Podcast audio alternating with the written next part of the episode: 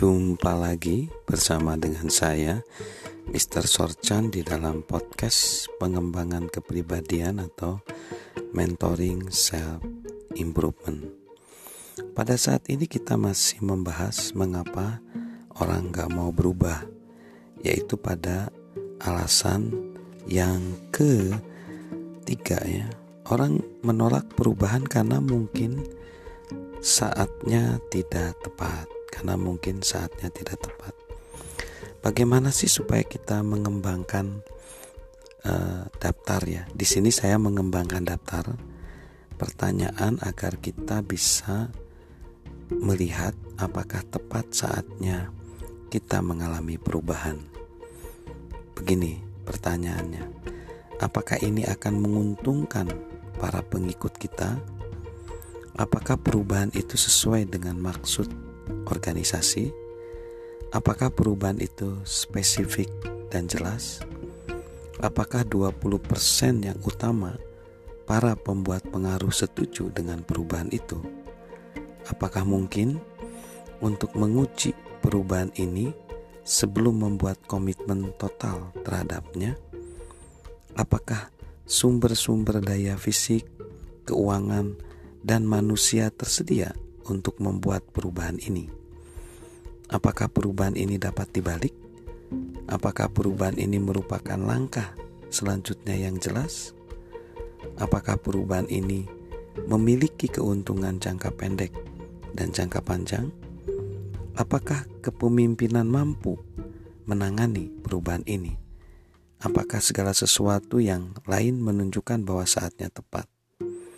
Nah, kalau banyak pertanyaan tidak, mungkin kita menyimpulkan saatnya belum. Lalu yang keempat, orang menolak menolak perubahan karena canggung. Coba perhatikan kalau kita melipat tangan kita. Perhatikan kedua ibu jari kita. Mungkin sudah berpuluh-puluh kali kita melipat tangan dengan cara seperti itu kalau misalnya posisi ibu jari kita dirubah, yang di atas ke bawah, yang di bawah ke atas, kita jadi canggung. Jadi, karena canggung, maka kita tidak mau berubah, atau kita mesti keluar dari zona kenyamanan kita. Lalu, orang menolak perubahan karena ada namanya tradisi. Profesor Cambridge University FM Convert berkata, tidak suatu pun yang pernah diselesaikan sampai setiap orang yakin bahwa itu sebaiknya diselesaikan dan telah diyakinkan untuk waktu yang begitu lama bahwa sudah waktunya untuk melakukan sesuatu yang lain. Banyak orang yang mengandalkan tradisi Asumsinya adalah bahwa jika sesuatu adalah tradisi, itu harus suatu cara yang lebih baik. Tetapi tidak perlu demikian. Ini adalah suatu teka-teki yang menunjukkan apa yang saya maksudkan. Berapa banyakkah pendukung tradisi yang diperlukan untuk mengubah sebuah lampu?